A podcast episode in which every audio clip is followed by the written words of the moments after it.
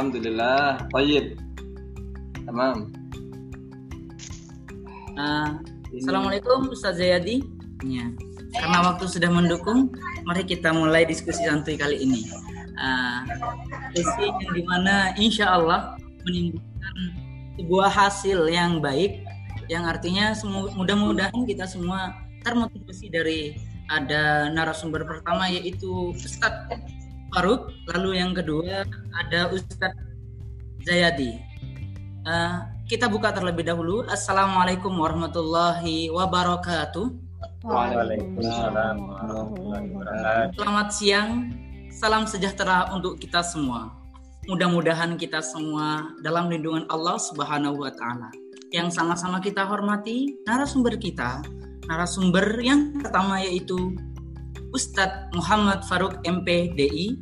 Lalu narasumber yang kedua yaitu Ustadz Zayadi MPD dan peserta diskusi kali ini. Mudah-mudahan kita semua dapat mengambil hikmah serta motivasi baik dari para narasumber-narasumber yang luar biasa kali ini.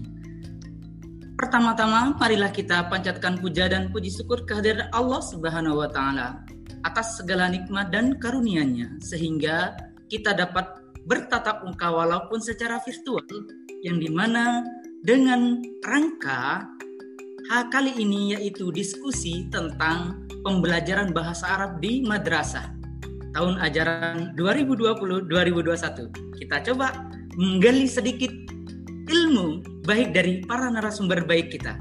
Lalu yang kedua kalinya, salawat serta salam kita curahkan kepada junjungan Nabi besar kita, Nabi Muhammad Sallallahu Alaihi Wasallam. Dan saya akan membacakan uh, profil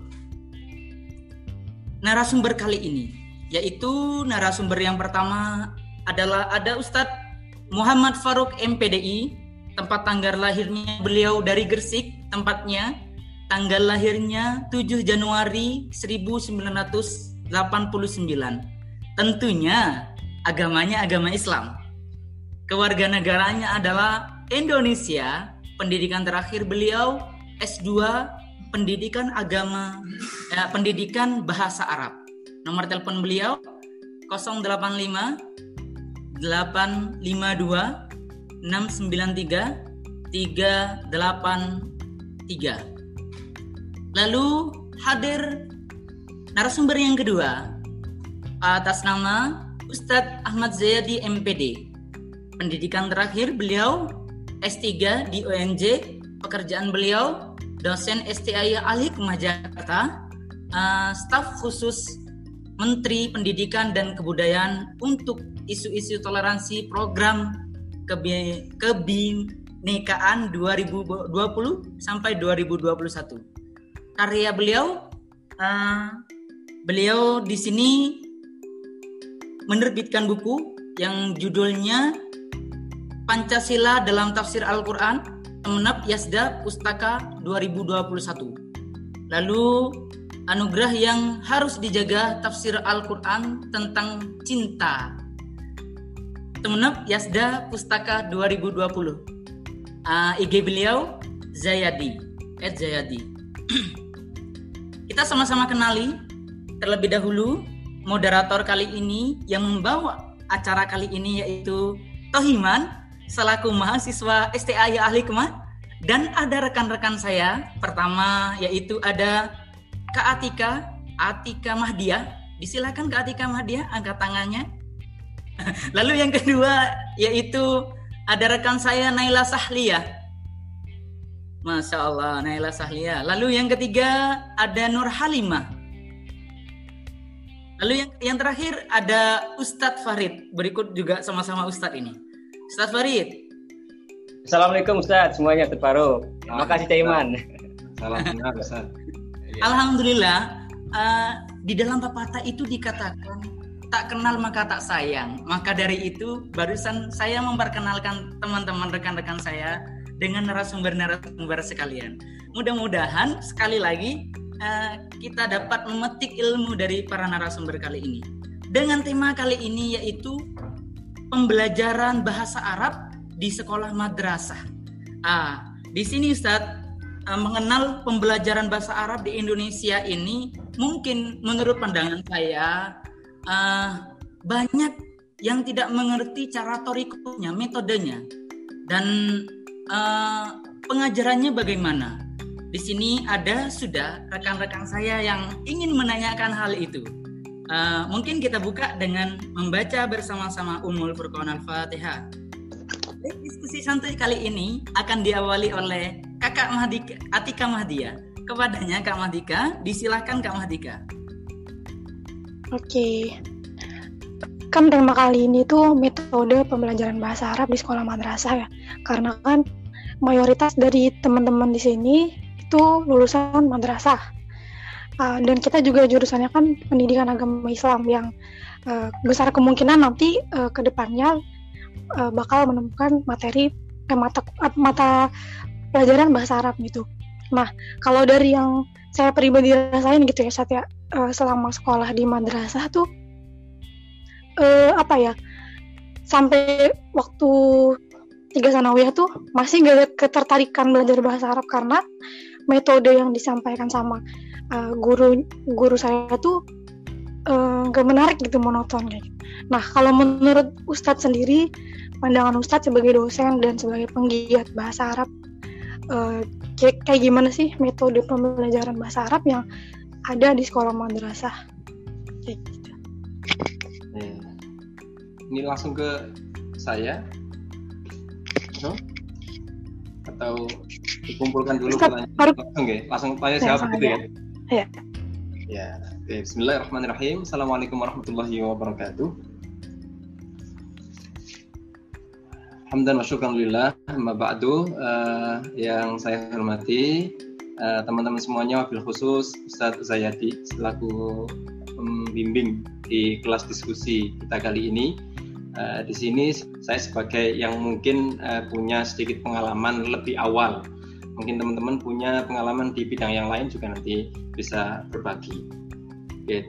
uh, sejujurnya uh, sejujurnya kalau uh, sempat uh, sempat diberi topik oleh Mbak Atika itu langsung uh, pembelajaran bahasa Arab di madrasah. Nah, sejujurnya saya tidak punya banyak pengalaman uh, terkait pembelajaran uh, bahasa Arab di madrasah secara langsung maksudnya ya, karena saya ini uh, bekerja di universitas. Jadi yang saya tangani itu adalah mahasiswa secara langsung dan kurikulum yang dipakai adalah kurikulum di universitas. Nah, tapi uh, karena pengalaman saya ini uh, apa mengajar mahasiswa baru yang mereka baru mentas, baru selesai dari eh, SMA tentunya dari MA atau SMA atau setingkatnya, maka saya bisa sedikit mereka-reka atau mengira-ngira, oh berarti sebelumnya uh, pembelajaran mereka itu uh, begini. Gitu. Di samping itu saya juga membaca beberapa literatur terkait dengan uh, penelitian terkait dengan pembelajaran bahasa Arab di madrasah di Indonesia. Nanti di akhir sesi mungkin akan saya berikan beberapa buku yang disebar gratis oleh uh, apa itu pemerintah Arab Saudi yang secara khusus menangani pembelajaran bahasa Arab di dunia. Nah, tapi uh, referensi ini berbahasa Arab. Dan uh, judul khususnya adalah Al-Lughah Al-Arabiyah fi Indonesia. Jadi ada banyak uh, penelitian semacam jurnal tapi sudah dibukukan. Dan itu isinya sangat bagus sekali. Ada uh, bahasa Arab di Indonesia dari aspek uh, historis dari aspek sejarahnya. Mulai dari kapan bahasa Arab di Indonesia itu muncul sampai uh, terbaru kemudian ada uh, apa itu? Aspek uh, di khusus secara khusus di sekolahan. Ada yang bahas secara khusus di pondok pesantren. Ada yang bahas secara khusus di universitas. Nah, kalau yang terkait dengan madrasah, terkait dengan sekolah, ini umumnya kebanyakan yang informasi yang saya dapat adalah bukan mengalami sendiri, tapi membaca literatur dan uh, membaca penelitian. Kemudian uh, pertanyaan terkait dengan uh, apa pembelajaran bahasa Arab di madrasah. Nah, kalau secara umum saya gambarkan, uh, mul kalau kita membahas tentang pembelajaran itu sebenarnya sangat luas sekali. Ya pembelajaran itu pasti kita berkaitan langsung dengan kurikulum. Nah, kurikulum sendiri itu isinya juga luas sekali, mulai dari pendekatannya yang dipakai, kemudian metodenya, belum lagi materinya apa saja yang disajikan, kemudian uh, medianya apa dan evaluasinya atau tes akhirnya bagaimana. Itu semuanya sangat luas sekali. Tapi tadi sempat disinggung oleh uh, moderator, ini kita akan diskusi terkait dengan secara khusus terkait dengan metode. Begitu ya? Betul ya? Nah, kita akan membahas sedikit uh, secara khusus, secara fokus tentang uh, metode pembelajaran bahasa Arab untuk uh, tingkat madrasah. Karena saya juga uh, apa itu uh, apa ya mengalami langsung ya menyajikan pembelajaran bahasa Arab di era new normal ini atau kita sering menyebutnya pembelajaran daring atau jarak jauh PJJ gitu. Jadi meskipun saya mengajar di uh, universitas, tapi saya juga menyajikan konten-konten ya yang bisa diakses secara umum uh, terkait dengan metodenya. Nah, yang pertama, kalau kita mau memilih metode, tentu sebenarnya uh, yang pertama harus kita pilih itu adalah pendekatannya. Ya, kalau kita mau ngomong secara jujur, kalau kita tidak bisa langsung memilih metode karena kalau metode kalau secara teori itu kan ada metode qawaid wa tarjama, ada metode atau uh, apa thariqah mubasyirah, ada uh, thariqah ittisaliyah, ada thariqah intiqaiyah. Itu kalau secara teori, ya kan? Nah, tapi uh, penggunaannya sebenarnya adalah yang bisa menentukan itu adalah pelaku di lapangan itu sendiri. Sehingga kita ketika ditanya metode apa sih yang cocok itu kalau jawaban teoritisnya adalah eh, metode apa sih yang bagus? Maka jawaban teoritisnya adalah metode yang cocok. Jadi bukan menyebut oh metode yang bagus itu uh, kawaid jama oh metode yang bagus itu yang kayak punya yang gontor yang mubashiro. Ada yang metode yang bagus itu yang campuran semuanya. Sebenarnya tidak bisa mengklaim begitu. Ini bagus daripada yang lain tidak. Tapi metode yang bagus adalah yang cocok yang sesuai dengan kebutuhan saat itu sehingga antar guru antar pengajar itu metode yang dipakai ya tentu berbeda-beda. Karena menyesuaikan kondisi uh, di mana dia mengajar yang tentunya berbeda-beda. Ada yang berhasil mengajar ya, dengan hanya menggunakan qawaid wa tarjamah. Misalnya guru-guru saya mungkin guru-guru teman-teman semuanya mungkin gurunya Mbak Atika dulu ketika mengajar Mbak Atika pakai metode qawaid wa tarjamah ya kan? Tapi buktinya berhasil kan? Berhasil menelurkan atau melahirkan orang-orang seperti Mbak Atika atau teman-teman yang lain yang dulunya mungkin uh, dilahirkan oleh guru yang menggunakan metode yang kita menyebutnya jadul. Tapi sekarang insya Allah eh, insya Allah saya yakin sekarang uh, guru-guru bahasa Arab itu sudah melek media ya. kalaupun tidak bisa me membikin tidak bisa membuat paling tidak bisa mengoperasikan. Ya begitu ya. Jadi untuk teman-teman atau guru-guru bahasa Arab uh, tidak harus bisa bikin. Yang penting itu konsepnya. Bagaimana saya harus mengajar, apa yang harus saya sampaikan. Kemudian untuk di medianya bisa berkolaborasi dengan teman-teman yang uh, punya kompeten di bidang IT misalnya. Sebenarnya untuk asas pemilihan metode, nah, metode apa sih yang cocok untuk teman-teman atau siswa-siswa di madrasah? Asasnya yang pertama tentunya yang kita melihat kompetensi dasar uh, apa itu? Siswanya.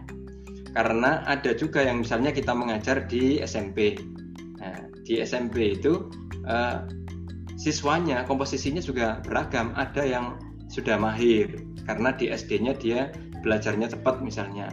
Ada yang belum bisa sama sekali atau mulai dari nol. Idealnya memang dilakukan placement test idealnya. Ini sebelum menentukan metode. Idealnya adalah dilakukan placement test atau tes penempatan uh, apa itu? Penempatan siswa sesuai dengan kompetensinya masing-masing. Sehingga nanti kita bisa memberikan perlakuan itu sesuai dengan kompetensinya. Yang sudah mahir misalnya si ada 10 orang dia melalui tes awal atau kita menyebutnya pre-test itu oh dia sudah punya kemampuan menyusun uh, kalimat sederhana. Dia sudah tahu posisi kata ini. Dia sudah bisa bisa melengkapi uh, ini dia sudah menguasai beberapa kosakata 10 orang itu kita kelompokkan jadi satu kelas ini ideal ngomong ideal ya Kemudian yang nilainya di bawah itu ya kita kelompokkan sendiri. Nah, baru kemudian kita bisa menentukan uh, apa itu bagaimana kita uh, mengajarnya, metode apa yang kita gunakan. Nah, kalau untuk anak SD, ya, untuk anak uh, madrasah umum ya kita, entah SD atau SMP atau SMA, uh, yang pertama khususnya adalah ketika zaman-zaman sekarang ini. Ini kan kita sedang ada di uh, era industri 4.0 atau uh, sekarang sudah ada diwacanakan sudah era industri atau uh, 5.0 sudah sudah sampai 5 sekarang.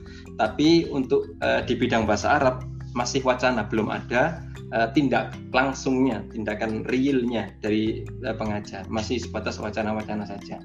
Nah, ciri-ciri atau ya uh, karakter uh, generasi zaman sekarang ketika belajar itu yang pertama uh, malas membuka buku yang pertama. Jadi jangan terlalu banyak uh, apa itu uh, penjelasan atau materi yang sifatnya tekstual. Penjelasannya semuanya teks. Usahakan kalaupun mau membuat karya atau membuat materi teks, misalnya membuat buku atau membuat modul, usahakan uh, sesimpel mungkin, seringkas mungkin, dan sefokus mungkin. Ya, misalnya mau mengajarkan cara membuat kalimat sederhana. Ya. Nah, kalimat sederhana dalam bahasa Arab sendiri kita tahu itu kan ada jumlah ismiyah dan jumlah fi'liyah.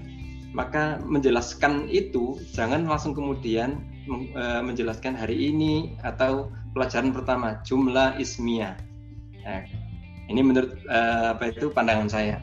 Jadi judul awalnya jangan buat judul yang nahwi ya, jangan kenalkan istilah-istilah nahwu dulu.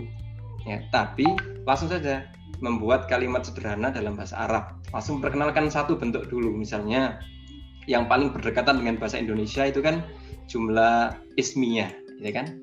Yang paling sama ya susunannya dengan bahasa Indonesia kan jumlah ismiyah. Jadi buat contohnya seperti itu, misalnya uh, saya Muhammad, saya mahasiswa atau saya siswa, kemudian lagi saya siswa di sekolah ini, kemudian saya belajar bahasa Arab. Itu kan susunannya sama seperti bahasa Indonesia.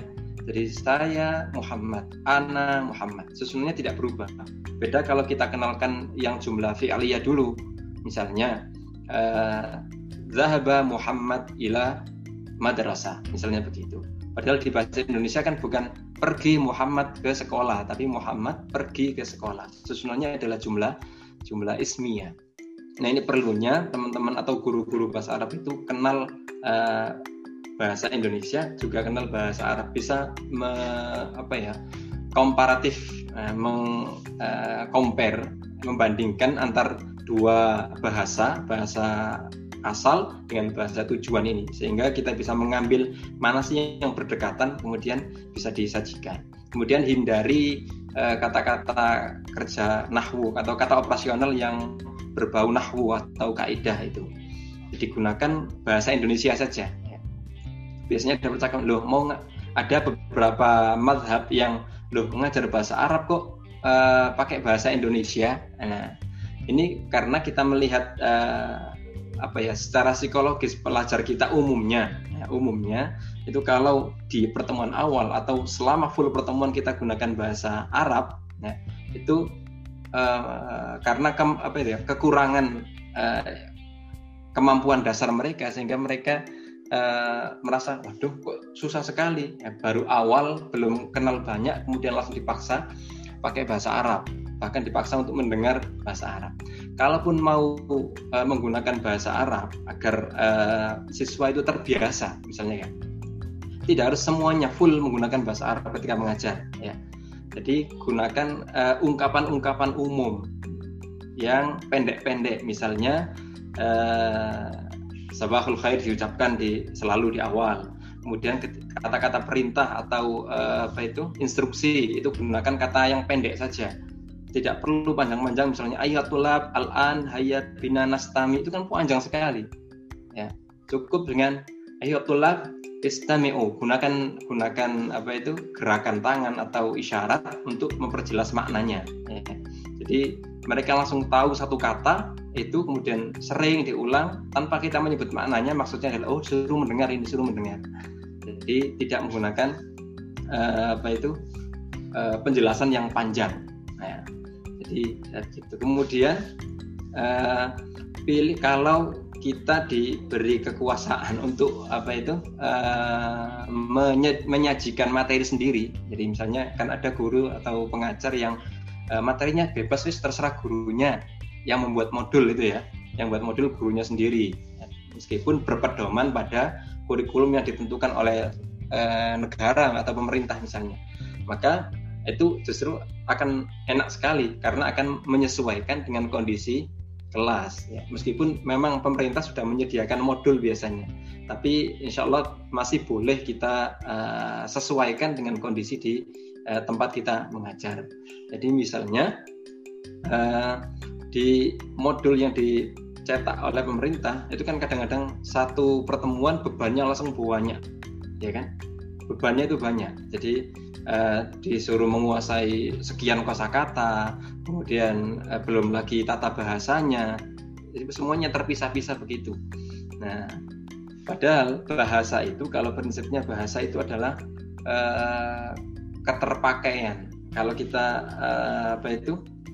Yang ada pendekatan yang terbaru sekarang yang uh, sedang digaungkan oleh uh, apa itu para pegiat bahasa Arab yang ini uh, mengambil dari apa yang sudah di apa dilakukan oleh teman-teman BIPA jadi teman-teman bahasa Indonesia tapi untuk orang asing itu sudah melakukan ini yaitu pendekatan berbasis teks teks. Mungkin pernah dengar ya? GBA atau Generic Based Text. Mungkin uh, nanti setelah ini bisa browsing apa sih uh, pembelajaran bahasa berbasis teks itu. Jadi ya. uh, apa itu berbasis teks itu uh, adalah pendekatan yang kita mengajarkan uh, bahasa itu langsung ungkapannya. Jadi tidak boleh mengajarkan kosakata dalam ini. Jadi yang diajarkan adalah uh, teks. Teks itu tidak harus oh, apa itu paragraf itu bukan yang dimaksud teks di sini adalah uh, ungkapan yang ada maknanya. Misalnya kalau orang uh, kalau ada kata awas, awas itu kan satu kata ya, tapi itu bisa menjadi teks, bisa menjadi ungkapan kalau di, disajikan ses, sesuai dengan konteksnya, disajikan plus konteksnya. Jadi kapan misalnya uh, kata awas misalnya dalam bahasa Arab itu ihzar atau hadaran. Nah, ini kapan uh, kata ini digunakan atau kapan kata ini diungkapkan? Itu mengajarkannya harus uh, dijelaskan juga konteksnya baru kemudian prakteknya. Jadi misalnya ada kata hadaran atau kata ihzar. Nah, itu uh, sesuai dengan konteksnya. Ini um, apa itu? Uh, pendekatan yang sedang baru-barunya digalakkan di pendidikan bahasa Arab. Meskipun ya sebenarnya sudah agak lama dipakai di uh, bahasa yang lain. Nah ya, ini uh, secara umum terkait dengan uh, pengajaran di tingkat madrasah. Alhamdulillah baik terima kasih Ustaz uh, penjelasannya sangat luar biasa metode mengenai metode pembelajaran bahasa Arab kali ini Ustaz. Uh, pada dasarnya mungkin metodenya metode yang cocok saja ya Ustaz ya. Berarti. Cocok Oh yang cocok terlebih lebih dahulu maka dari itu metode yang harus digunakan dalam bahasa Arab itu yang cocok dulu teman-teman. Monggo silahkan pertanyaan berikutnya Mbak Eli. Ya Ustaz, saya mau nanya eh, kira-kira di masa new normal ini uh, ada hambatan nggak uh, bagi seorang guru bahasa Arab gitu dalam uh, menyampaikan materinya gitu? Karena kan kalau bahasa Arab itu kan mungkin uh, harus benar benar dijelasin gitu ya sama gurunya. Kalau nggak terlalu dijelasin itu mungkin anak-anak kurang paham gitu. Itu gimana Ustaz? Cara mengatasinya Ustaz kalau ada hambatan seperti itu? Hambatan uh, terkait dengan uh, era new normal uh, sebenarnya mungkin bagi saya ini di, tidak ada hambatan sebenarnya. Karena pembelajaran kita ini pembelajaran bahasa. Pembelajaran bahasa itu yang penting itu adalah ruang praktek dan medianya. Kalau era normal seperti sebelumnya sebelum pandemi itu kan kita bisa menggunakan guru sebagai partner, ya, tandem partner. Kita bisa ketemu dengan teman-teman yang lain sebagai partner. Atau kadang guru mendatangkan native speaker sebagai partner belajar juga. Tapi di era new normal ini sebenarnya sama, hanya wadahnya atau medianya yang berbeda. Kita tidak bisa bertemu langsung, tapi karena belajar bahasa, bahasa itu praktek, maka ya tetap saja bisa selama uh, telinga kita masih bisa mendengar, kemudian mikrofon kita masih aktif, itu masih bisa dipakai untuk ruang bertemu dan ruang praktek. Jadi sekali lagi bahasa itu, saya uh, punya cerita sedikit. Jadi uh, sebenarnya bahasa itu kalau ya sering digunakan di ruang praktek itu ya memang cepat juga. Ada teman yang dia dulu TKI ya. Ketika saya berangkat ke Arab Saudi itu saya satu pesawat dengan TKI dan dia ngaku dia tidak bisa bahasa Arab sama sekali. Dia datang ke sana itu karena dipanggil atau diajak oleh kakaknya sendiri. Dan dia ngaku tidak bisa nol putul bahasa Arab dia nggak pernah belajar bahasa Arab sama sekali. Kecuali bahasa untuk sholat dan lain sebagainya.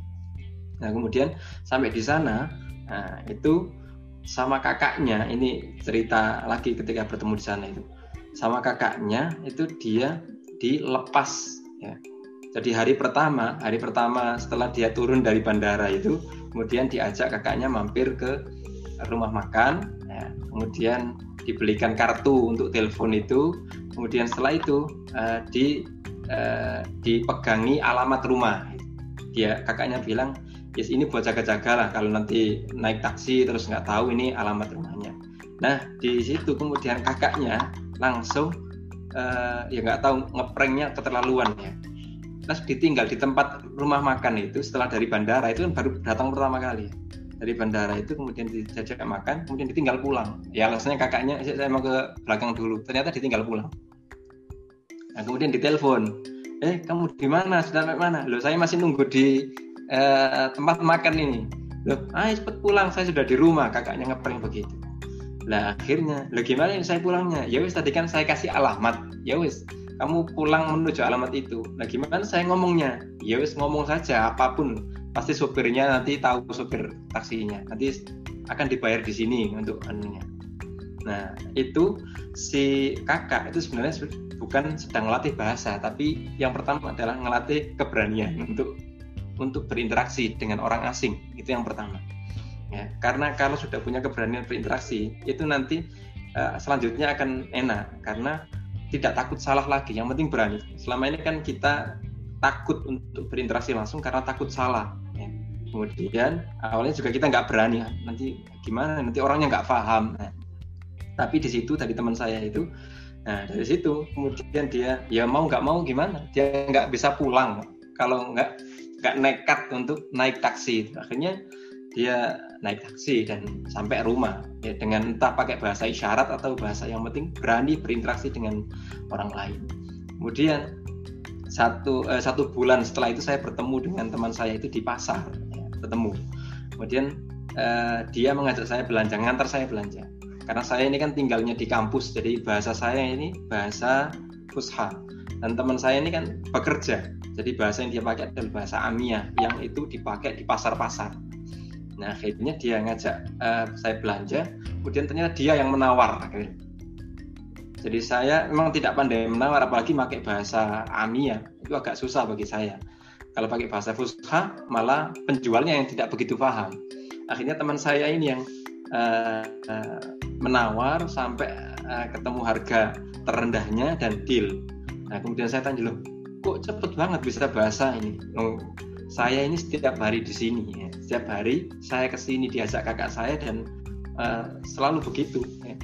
saya diminta untuk belanja nah, kemudian saya diminta untuk tanya ini itu tanya ini itu kemudian akhirnya ya masa satu bulan kemudian saya nggak bisa nah, akhirnya bisa ya. karena biasa tadi itu ya memang awalnya karena dipaksa dikasih kondisi tertentu yang membuat dia terpaksa uh, nekat untuk berinteraksi dengan orang asing itu.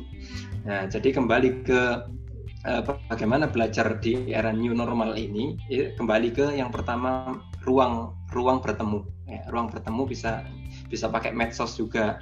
Nah, tidak harus secara lisan mungkin ya, karena mungkin kadang-kadang di beberapa uh, apa itu siswa awal itu takut kalau bertemu ini, takut mau ngomong apa ya, nggak ada topik. Maka bisa juga lewat chatting, ya, lewat chatting HP itu. Bisa carikan atau bisa ikut nimbrung di grupnya orang Arab. Atau aduh gimana cara nyari? Sebenarnya pertanyaan agak, agak tabu kalau gimana cara mencari grupnya orang Arab. Itu kalau anak sekarang sudah bisa sekali. Cukup uh, buka YouTube yang itu kontennya uh, film Arab atau ada uh, materi misalnya muhadharah pasti di situ ada uh, kolom komentar. Nah, kolom komentar itu kan juga bisa dipakai untuk media chatting. Nah, kalau dulu mungkin zaman saya masih muda itu kan ada Yahoo Messenger masuk ke roomnya orang-orang Arab kita bisa chatting meskipun chattingnya random saja bahas apa pun ya nah satu sekali lagi ruang bertemu. Sebenarnya meskipun di era normal, tapi kalau kita jarang bertemu, jarang menggunakan bahasa itu sendiri ya masuk uh, apa itu kelas keluar nggak terpakai lagi. Ya, jadi semacam ya percuma begitu. Nah, sekarang kita bisa belajar bahasa Arab di mana pun, kapan pun, dalam kondisi apa pun, tidak harus uh, rapi. Ya. Cukup nyalakan uh, gadget, nyalakan komputer, kemudian janjian dengan teman yang punya kenalan orang Arab atau misalnya kalau siswa gitu atau kalau kita guru ya ini saya punya uh, orang Arab asli dan dimasukkan ke grup WhatsApp misalnya nah, kita minta untuk orang penutur aslinya tadi untuk memulai percakapan atau diminta untuk ngeprank siswanya kalau dulu saya ketika punya pengalaman uh, mengajar di Mesir saya dulu pernah mengajar bahasa Indonesia tapi untuk orang Mesir Nah, saya minta teman-teman Indonesia itu ngeprank. Ya. Jadi setelah saya kasih materi hari ini, materinya adalah uh, berkenalan dengan orang lain, misalnya begitu. Maka sorenya langsung saya praktekkan. Jadi kan saya mengumpulkan nomor mereka. Jadi saya minta ada orang Indonesia asli yang nelpon secara random siswa saya itu. Kemudian menanyakan, ya sekedar assalamualaikum, waalaikumsalam, apa kabar? Nah, dia kan nggak tahu kalau itu uh, orang lain yang orang Indonesia beda kalau uh, siswa itu kalau ngomong sama gurunya dengan ngomong dengan orang lain yang penutur asli itu berbeda kalau ngomong dengan guru dengan gurunya sendiri itu dia akan merasa oh guru saya uh, pasti akan memahami. Dan kita sebagai guru juga akan uh, memahami berusaha memahami itu. Tapi kalau dengan penutur asli yang tidak ada kaitan mengajar itu uh, akan muncul keberanian sendiri dari siswanya itu. Jadi uh, paling tidak guru itu nah, punya satu lah atau dua atau berapa gitu kenalan orang asli, penutur asli. Nah sehingga nanti bisa dimanfaatkan untuk uh, media uh, berinteraksi secara langsung, entah itu secara langsung langsung lisan atau melalui tulisan atau chatting itu. Jadi nggak ada hambatannya ya, yang penting pembiasaannya nah, aja gitu ya Ustaz. Hmm, sekaligus memanfaatkan media tadi itu. Ya, terima kasih Ustaz. Ya Ustaz, menyikapi hal itu karena new normal ini banyak sekali yang terjadi saat pandemi kali ini, pembelajaran sehingga pembelajaran tersebut bisa dikatakan efektif atau tidak uh, di hal tersebut apakah ada khusus Ustaz? Artinya gini Ustaz, uh, bagaimana caranya um, mengelola uh, pembelajaran tersebut kepada orang yang di mana dia tidak memiliki media pembelajaran bahasa Arab itu hal itu memungkinkan tidak. Artinya uh, kira-kiranya pembelajaran bahasa Arab itu masuk tidak kepada anak itu. Oke.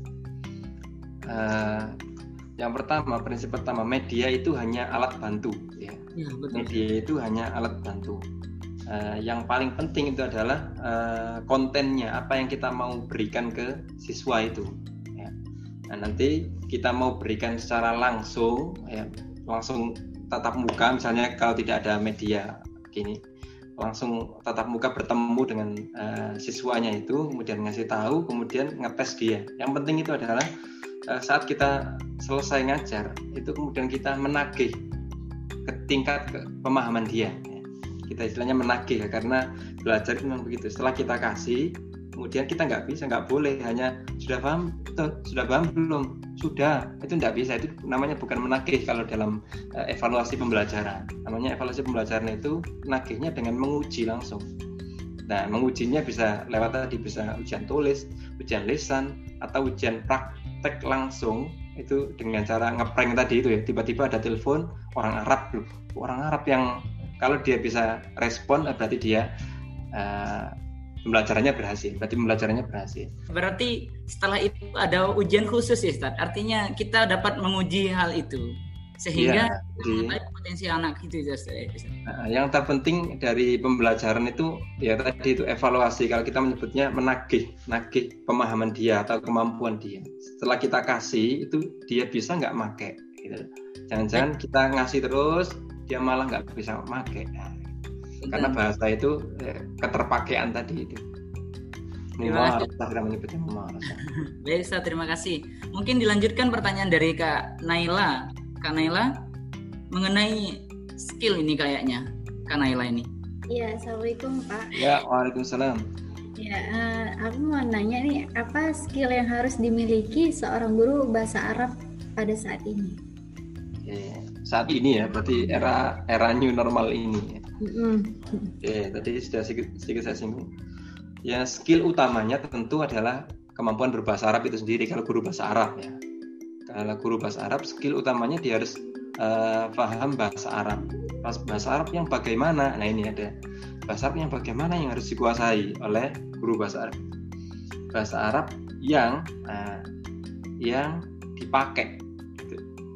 Karena ada bahasa Arab itu yang tidak dipakai. Gitu kita sudah cari di kamus. Oh bahasa Arabnya uh, ini ada di kamus ini. Tapi ternyata di kalangan orang Arab sendiri istilah itu tidak dipakai ya.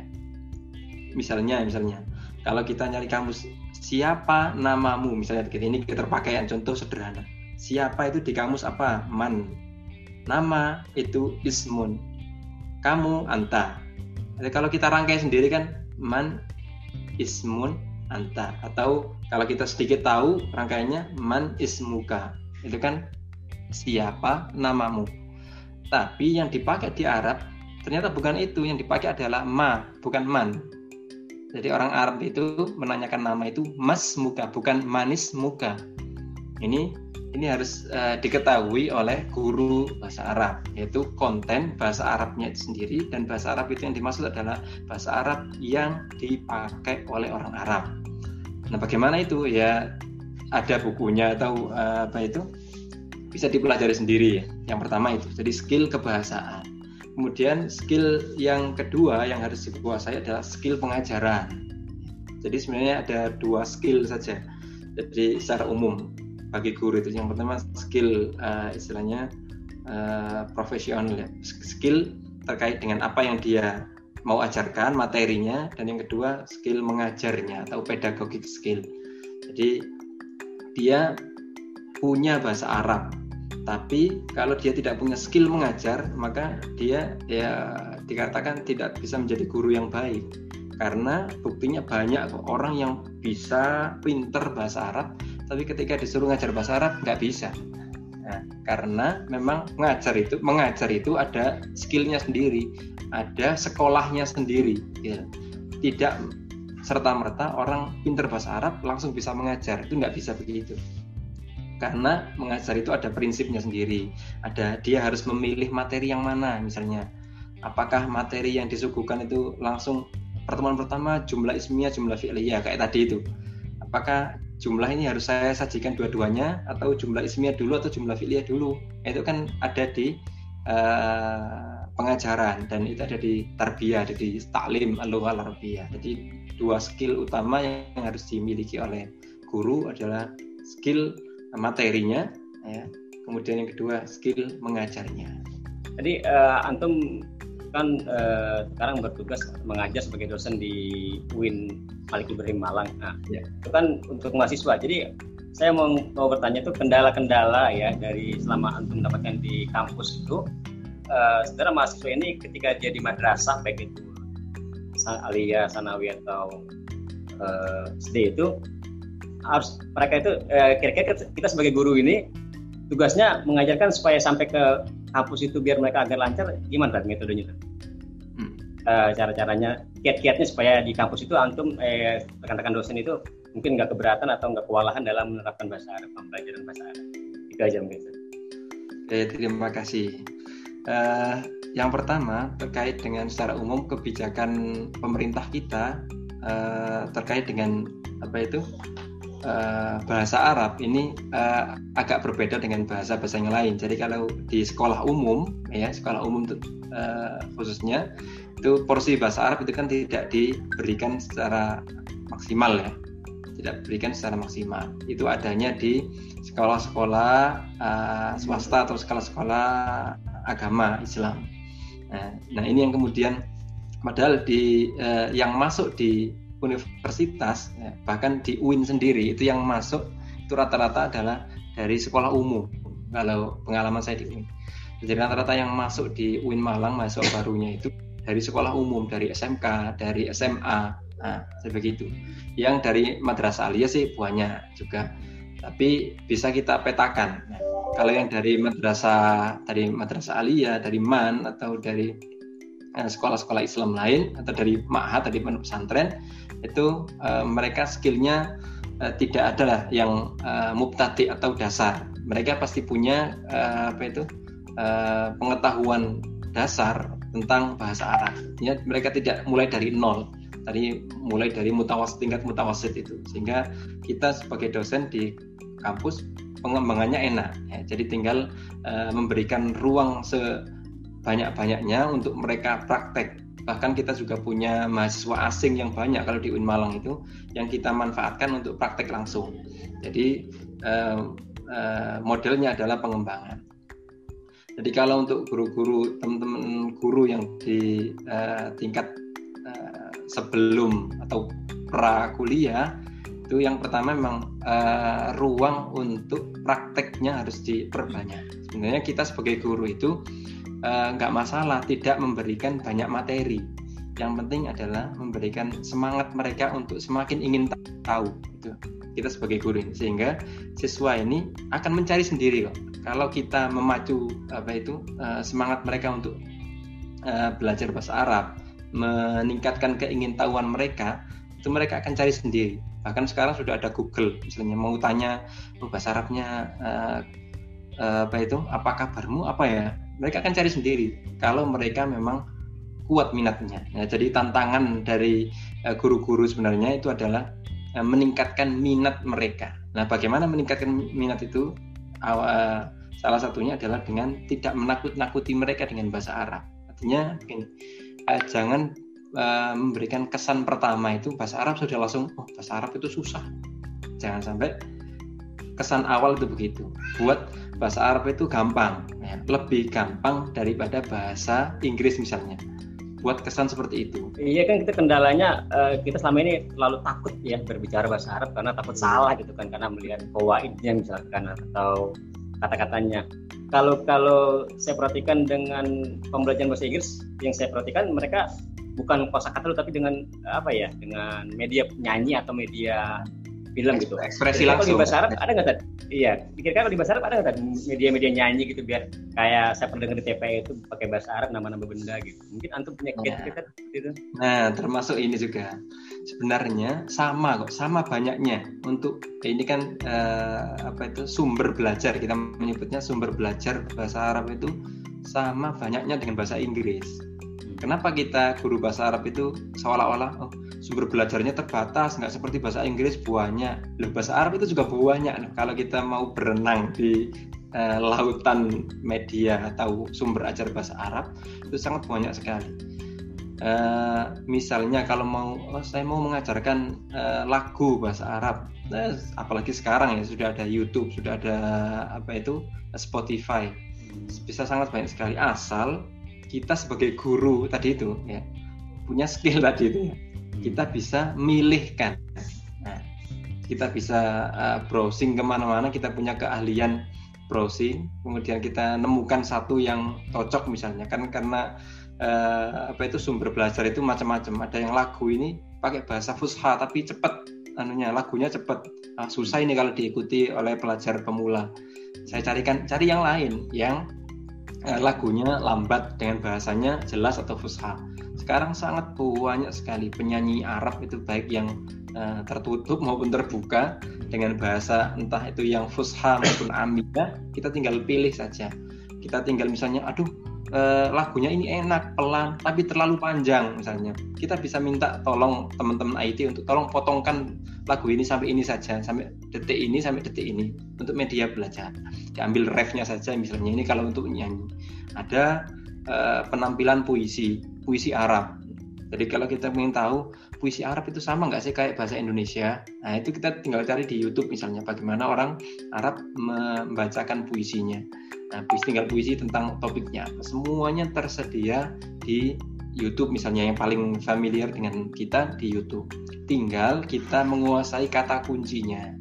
Nah ini yang uh, harus kita kuasai di, di YouTube itu ya, hampir sama lah pencariannya kayak di uh, secara umum jadi kalau kita nyari misalnya tentang uh, apa itu uh, nyanyian Arab, ya. jangan ketik nyanyian Arab pakai bahasa Indonesia, tapi gunakan bahasa Arab misalnya al-ghina al-arabi bi al-lugha al-fusha. Ya, nanti akan banyak pilihan banyak sekali dan uh, karena kita sebagai guru ya jangan lelah-lelah, jangan capek-capek untuk milih apa ya bahasa Jawanya metani mana yang cocok ya karena sumber belajar di YouTube itu banyak sekali ratusan eh, jutaan barang bahkan nah kita mau menentukan mana yang cocok untuk siswa saya itu yang kemudian tidak semua guru mau. Nah gitu. Kadang aku mau dikirimi apa yang lagu yang enak gitu loh. Nah, kadang-kadang guru yang tidak mau mencari sendiri begitu. Ketika dikirimi kok ini nggak cocok. Nah, nah jadi eh, termasuk skill tambahan yang harus dikuasai guru ya skill di bidang teknologi tadi. Dia uh, harus pinter-pinter browsing uh, mencari sumber belajar tambahan. Subhanallah. Baik Ustaz, terima kasih jazakallah Ustaz. Ustaz, ini Ustaz, mungkin uh, saya tidak banyak tahu hal itu Ustaz.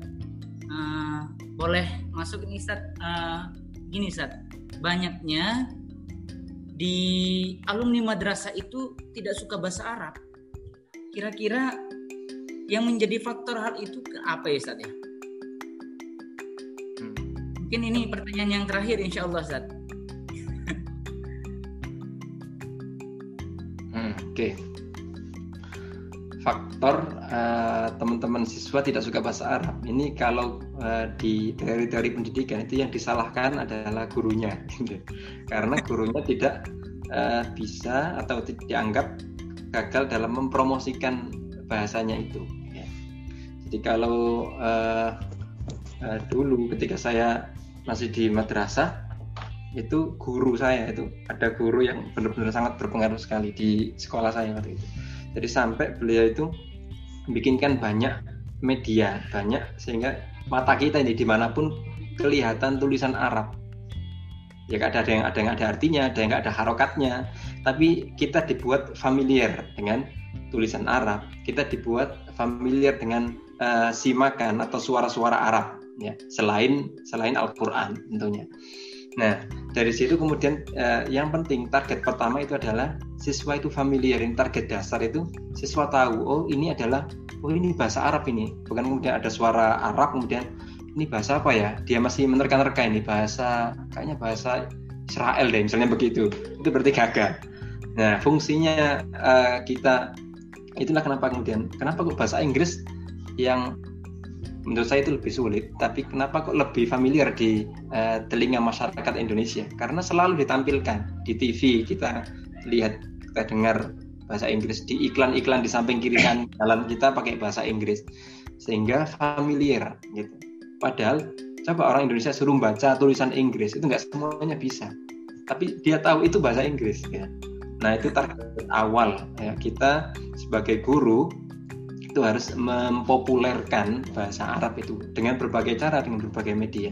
Kalau di UIN Malang dulu uh, saya sempat diminta untuk membuat iklan-iklan. Jadi iklan baik itu iklan kalau sekarang-sekarang ini mahasiswa disuruh bikin iklan video. Kalau dulu itu iklan visual. Jadi misalnya iklan apa dulu? Dulu saya itu iklan mie, Indomie dulu itu. Tapi disuruh men mendesain pakai bahasa Arab dari Indomie seleraku itu harus dibahasa Arabkan kemudian didesain semirip mungkin dengan uh, apa itu poster aslinya. Dan itu kemudian di, ditaruh di beberapa mading ya. Di mading di pojok-pojok kampus itu. Tujuannya apa? Ya biar orang itu familiar itu target awalnya. Familiar dengan bahasa Arab meskipun tidak bisa membacanya. Tapi oh ini ini Arab ini ya. Dia awalnya gitu nah, kemudian uh, terus jadi uh, memperdengarkan atau memperlihatkan uh, apa itu? Uh, suara Arab atau film-film berbahasa Arab. Nah, biasanya guru-guru itu film yang disajikan film-film berbahasa Arabnya itu film-film jadul pasti. Film-film kartun yang sudah didubbing nah, sudah suaranya sudah kemersek kemudian apa itu? Tidak tidak HD lagi tidak HD lagi ya sudah kuno lah begitu. Nah, padahal nah, kembali lagi ke yang tadi ditanyakan Ustaz Farid. Jadi sekarang film-film berbahasa Arab itu juga sudah eh, sangat bagus-bagus sekali kualitasnya. Alur filmnya juga bagus. Meskipun ada film yang diambil dari cerita lama misalnya tentang Seribu Satu Malam itu tapi berbahasa Arab yang bagus itu juga sudah ada sekarang. Atau film tentang sosok misalnya Imam Syafi'i itu juga sudah ada yang bagus tidak tidak jadul lagi. Cara orang Arab memuji sesuatu misalnya misalnya oh bagus itu bahasa Arabnya orang Arab ketika mengatakan bagus lah misalnya oh jamil, oh tayyib, tamam. Ekspresinya itu biasanya kan ada di video ya. Nah video itu biasanya ada di iklan-iklan Arab. Nah itu kita potong kan, kita atau kita buatkan stiker kalau di sekarang di WhatsApp. Kita buatkan stiker tapi yang tulisan Arab misalnya. Ada orang Arab, kemudian kita buatkan stiker tayyib misalnya begini.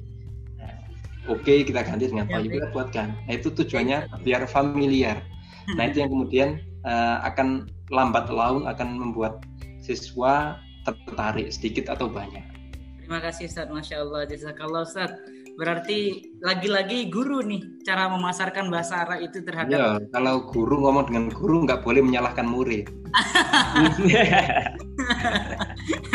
Karena murid itu uh, kalau bahasa perusahaan dia customer, tidak boleh customer itu disalahkan. Ya, oh, kalau bahasa bank ya murid itu nasabah jadi kalau disalahkan dia lari. Maka yang dikatakan adalah ya tellernya ini. Kalau pelayanan kurang baik kan tellernya yang disalahkan. Ya nyambung ya ikut diskusi ya. Ini saya senang nah, sekali iya. ini mendengar pemaparan dari ini, Ustaz uh, Faruk. Uh, jadi memang tadi ada dua hal yang ingin saya garis bawahi bahwa memang belajar bahasa Arab itu membutuhkan uh, minat ya. Jadi uh, kata kuncinya itu gimana sih menumbuhkan minat itu menumbuhkan kecintaan atau menunjukkan sikap positif terhadap bahasa Arab itu. Kemudian yang kedua itu soal biah atau soal lingkungan. Nah, ini kan sebenarnya agak sedikit mengherankan, eh, hampir 90 persen penduduk Indonesia itu Muslim gitu ya. Harusnya itu menjadi satu keuntungan tersendiri bagaimana kita tahu bahwa bahasa Arab ini tidak saja sebagai bahasa komunikasi, tapi uh, dalam hal ini dia sebagai bahasa agama ya kita sholat menggunakan bahasa Arab kemudian uh, apa namanya mengkaji uh, keilmuan keilmuan uh, literatur literatur keislaman itu berbahasa banyak berbahasa Arab hanya uh, kalau kita lihat misalnya tidak ada semacam kebijakan dari pemerintah misalnya tadi kalau dicontohkan oleh Mas Faruk tadi itu soal bagaimana film-film itu uh, di dubbingnya itu juga menggunakan bahasa Arab gitu. Jadi harusnya ini menjadi satu strategi nasional ya. Kalau saya lihat, misalnya kayak nama-nama di jalan, nama bandara, kemudian nama-nama sekolah, kemudian nama-nama yang semuanya berada di wilayah eh, kewenangannya pemerintah itu tidak hanya berbahasa Indonesia, tapi juga bahasa Indonesia, bahasa Inggris, bahasa Arab gitu. Sehingga nanti uh, lambat laun biahnya itu akan muncul. Orang uh, lambat laun itu uh, akan mengetahui kalau bahasa Arabnya mall itu itu sudah ada di situ gitu. Tidak hanya mall ambasador gitu tapi juga ada bahasa Inggrisnya dan ada bahasa Arabnya. Jalan Trunojoyo misalnya Trunojoyo Street kemudian apalagi bahasa Arabnya itu itu kemudian di, di, dimunculkan dan itu menjadi umum. Kita coba pergi ke Jogja. Di Jogja itu kan menggunakan bahasa-bahasa uh, Jawa kuno ya. Bahasa Jawa kuno. Dan di Solo itu juga ada sehingga kita tahu gitu. Nah, kenapa itu tidak juga diberlakukan misalnya untuk bahasa Arab? Gitu? Jadi bahasa Arab itu diletakkan tidak hanya dalam konteks konteks uh, pembelajaran, tapi juga menciptakan lingkungan sehingga mendukung itu semua. Nah, terkait dengan uh, apa menciptakan uh, apa menumbuhkan sikap positif uh, terhadap bahasa Arab itu itu kita bisa lihat dari dua aspek ya. Uh, dari aspek reseptif maupun as aspek uh, produk produktif ya. Uh, misalnya kita lihat kemamp meningkatkan kemampuan reseptif, uh, yaitu kemampuan untuk memahami pembicaraan orang lain dan memahami bacaan.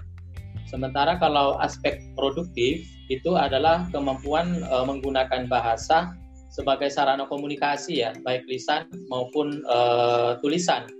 Nah, dua hal ini itu sebenarnya sudah disinggung di peraturan apa peraturan Menteri Agama nomor 912 tahun 2013 tentang uh, kurikulum madrasah dalam standar isi yang bertujuan uh, kalau kita lihat uh, ada empat keterampilan berbahasa di tadi tadi sudah disinggung uh, sama uh, uh, Mas Faruk itu. Yang ini diajarkan secara integral yaitu kemampuan menyimak uh, atau al istima maharatul istima kemudian uh, maharatul kalam kemampuan berbicara kemudian maharatul kiroah membaca kemudian kitabah eh, maharatul kitabah kemampuan menulis di mana empat kemampuan itu atau empat kompetensi itu itu secara integral itu di, di, diajarkan. Nah, saya ingin melihat konteks lain dari uh, bagaimana mendudukkan metode ini dalam konteks bagaimana melihat uh, kemampuan siswa ya. Uh, kita tahu bahwa siswa itu pada dasawasa terakhir itu ada satu ini ya satu uh, apa namanya temuan yang terkait dengan multiple intelligence atau kecerdasan ganda ya. Jadi bagaimana mendudukkan metode pembelajaran bahasa Arab itu berbasis pada multiple intelligence. Jadi harusnya uh, ketika mengajarkan bahasa Arab itu metodenya itu disesuaikan juga dengan uh, dasar kecerdasan yang dimiliki oleh siswa. Uh, di mana kalau kita rangkum sebenarnya uh, kita dapatkan satu strategi pembelajaran yang dikenal dengan active learning. Nah, kita misalnya sekarang uh, masuk pada konteks pembicaraan terkait uh, apa mendudukkan metode pembelajaran itu dalam konteks kecerdasan multiple intelligence misalnya uh, kalau untuk uh, pengajaran uh, menumbuhkan pengajaran uh, menyimak gitu ya temuan-temuan uh, ya penelitian ilmiah membuktikan bahwa sebagian besar orang itu hanya dapat menyerap uh, apa materi itu 30% ya dari uh, 30% dari pengetahuan yang didengarnya dan hanya dapat mengingat 25% saja dari apa yang ia serap dari pengetahuannya itu. Jadi di sini dalam konteks uh, menyimak uh, itu kita lihat menyimak itu tujuannya itu untuk apa gitu. Jadi kalau misalnya menyimak tujuannya untuk uh, apa namanya pengulangan, uh, di mana di sini siswa misalnya dituntut untuk menyimak teks kemudian drill mengulang dari apa yang didengarkan, maka pendekatan yang tepat atau metode yang tepat itu mungkin dengan uh, apa namanya dengan uh, drill ya. Tapi kalau misalnya menyimak untuk keperluan memahami teks, uh, tujuan memahami teks dengan baik, sehingga uh, siswa itu dapat membedakan mana ide pokok, mana ide tambahan, dapat memahami alur cerita dalam teks dan sebagainya, maka itu dibutuhkan eh, apa namanya metode yang berbeda gitu. Nah, itu eh, kalau misalnya kita lihat lagi pada kecerdasan eh, yang berbasis linguistik gitu ya, kecerdasan bahasa. Nah, kecerdasan bahasa itu kan sebenarnya kecerdasan alami itu eh, misalnya kita menggunakan metode mendengarkan uh, apa mendengarkan dari YouTube misalnya tadi udah dikasih contoh tuh sama Mas Faruk itu bagus sekali. Jadi atau kalau dulu itu uh, mendengarkan kaset gitu ya, istimewa min syarit gitu misalnya uh, itu juga bisa uh, di, di, di, digunakan. Kemudian kalau misalnya kecerdasan uh, logis matematis gitu, misalnya uh, apa metode yang digunakan misalnya dengan sina atau soal gitu ya untuk meningkatkan kemampuan berpikir dan kebermanaan pembelajaran. Kalau misalnya kecerdasan spasial misalnya yang bisa digunakan uh, bisa uh, ini ini saya uh, sedang cerita tidak tidak dalam konteks membeda-bedakan gitu ya. Tapi boleh saja nanti di integralistik atau digabung antara satu pendekatan dengan pendekatan yang lain gitu ya. Uh, misalnya uh, kemahiran menyimak gitu uh, takbir surah atau bercerita dengan gambar misalnya seperti itu. Uh, kalau kinestetik itu bisa dengan uh, tamsil atau metode drama. Jadi di situ kan ada gerakan-gerakan uh, yang yang yang apa namanya digunakan. Misalnya cerita tentang apa tapi ini uh, dialognya itu menggunakan uh, bahasa Arab gitu mungkin uh, perintah-perintah uh, misalnya menggunakan uh, metode TPR ya total physical response. Nah, total physical response itu satu perintah yang digunakan menggunakan bahasa Arab tapi siswa menjawabnya itu dengan gerakan. Misalnya home gitu. Nah nanti dia akan menjawab dengan uh, gerakan gitu tidak menjawab dengan arti misalnya ber, uh, berdirilah gitu. Ijlis Nah, dia langsung jawab dengan gerakan. Misalnya itu ada satu metode itu namanya metode DPR gitu ya. Dan kalau misalnya uh, ada siswa yang yang yang punya kecerdasan musikal uh, bisa menggunakan metode Hayya Nugani, uh, mari kita bernyanyi gitu. Uh, jadi mungkin uh, saya usulkan misalnya bikin idol gitu ya, kayak Indonesian Idol gitu, tapi lagunya lagu-lagu uh, Arab gitu ya di di di, di sekolah itu jadi sebenarnya uh, untuk konteks uh, apa uh, metode tersendiri ini yang yang tadi saya bilang itu ini jadi satu kritikan juga dari Pak Azra ya. Pak Azimadi Azra itu di mana guru terutama guru bahasa Arab itu tidak saja berhenti pada bagaimana mencetak siswa uh, tapi juga bagaimana mengembangkan metode-metode yang inovatif, kreatif, efektif dan menyenangkan sehingga tadi tujuan bahwa bahasa Arab menjadi satu mata pelajaran yang disenangi dan tidak tertinggal dari pelajaran-pelajaran yang lain itu itu itu bisa tercapai gitu.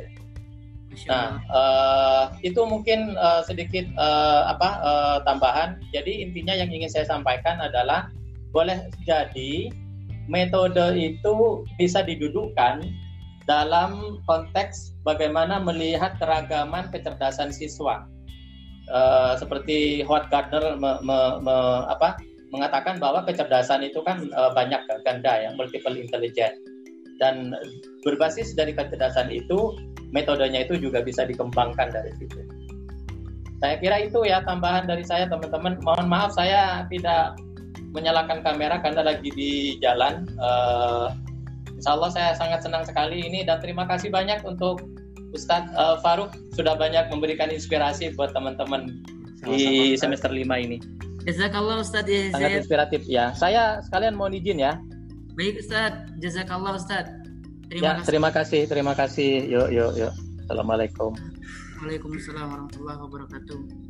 Punten Ustadz Faruk, terima kasih. Jazakallah Ustadz Faruk. Kami uh, haturkan terima kasih sebanyak-banyaknya atas ilmunya dan serta penambahan ilmu yang di mana di situ terdapat insya Allah kami mendalaminya, mendapatkannya dan mudah-mudahan ilmu yang sampean diberikan kepada kami mudah-mudahan menjadi ilmu yang bermanfaat untuk kami semua. Amin ya rabbal alamin. Demikianlah uh, diskusi kali ini uh, teman-teman sekalian serta uh, para serta yang hadir pada siang kali ini kami ucapkan, saya khususnya pribadi, ucapkan terima kasih banyak atas segala perhatian dan kerjasamanya, sehingga diskusi kali ini berjalan dengan baik dan lancar. Amin ya Rabbal 'Alamin. Uh, mari kita tutup diskusi kali ini dengan bersama-sama membaca hamdalah, Alhamdulillahirabbil alamin. Uh, dan diakhiri dengan kafaratul majlis subhanakallahumma wa bihamdika.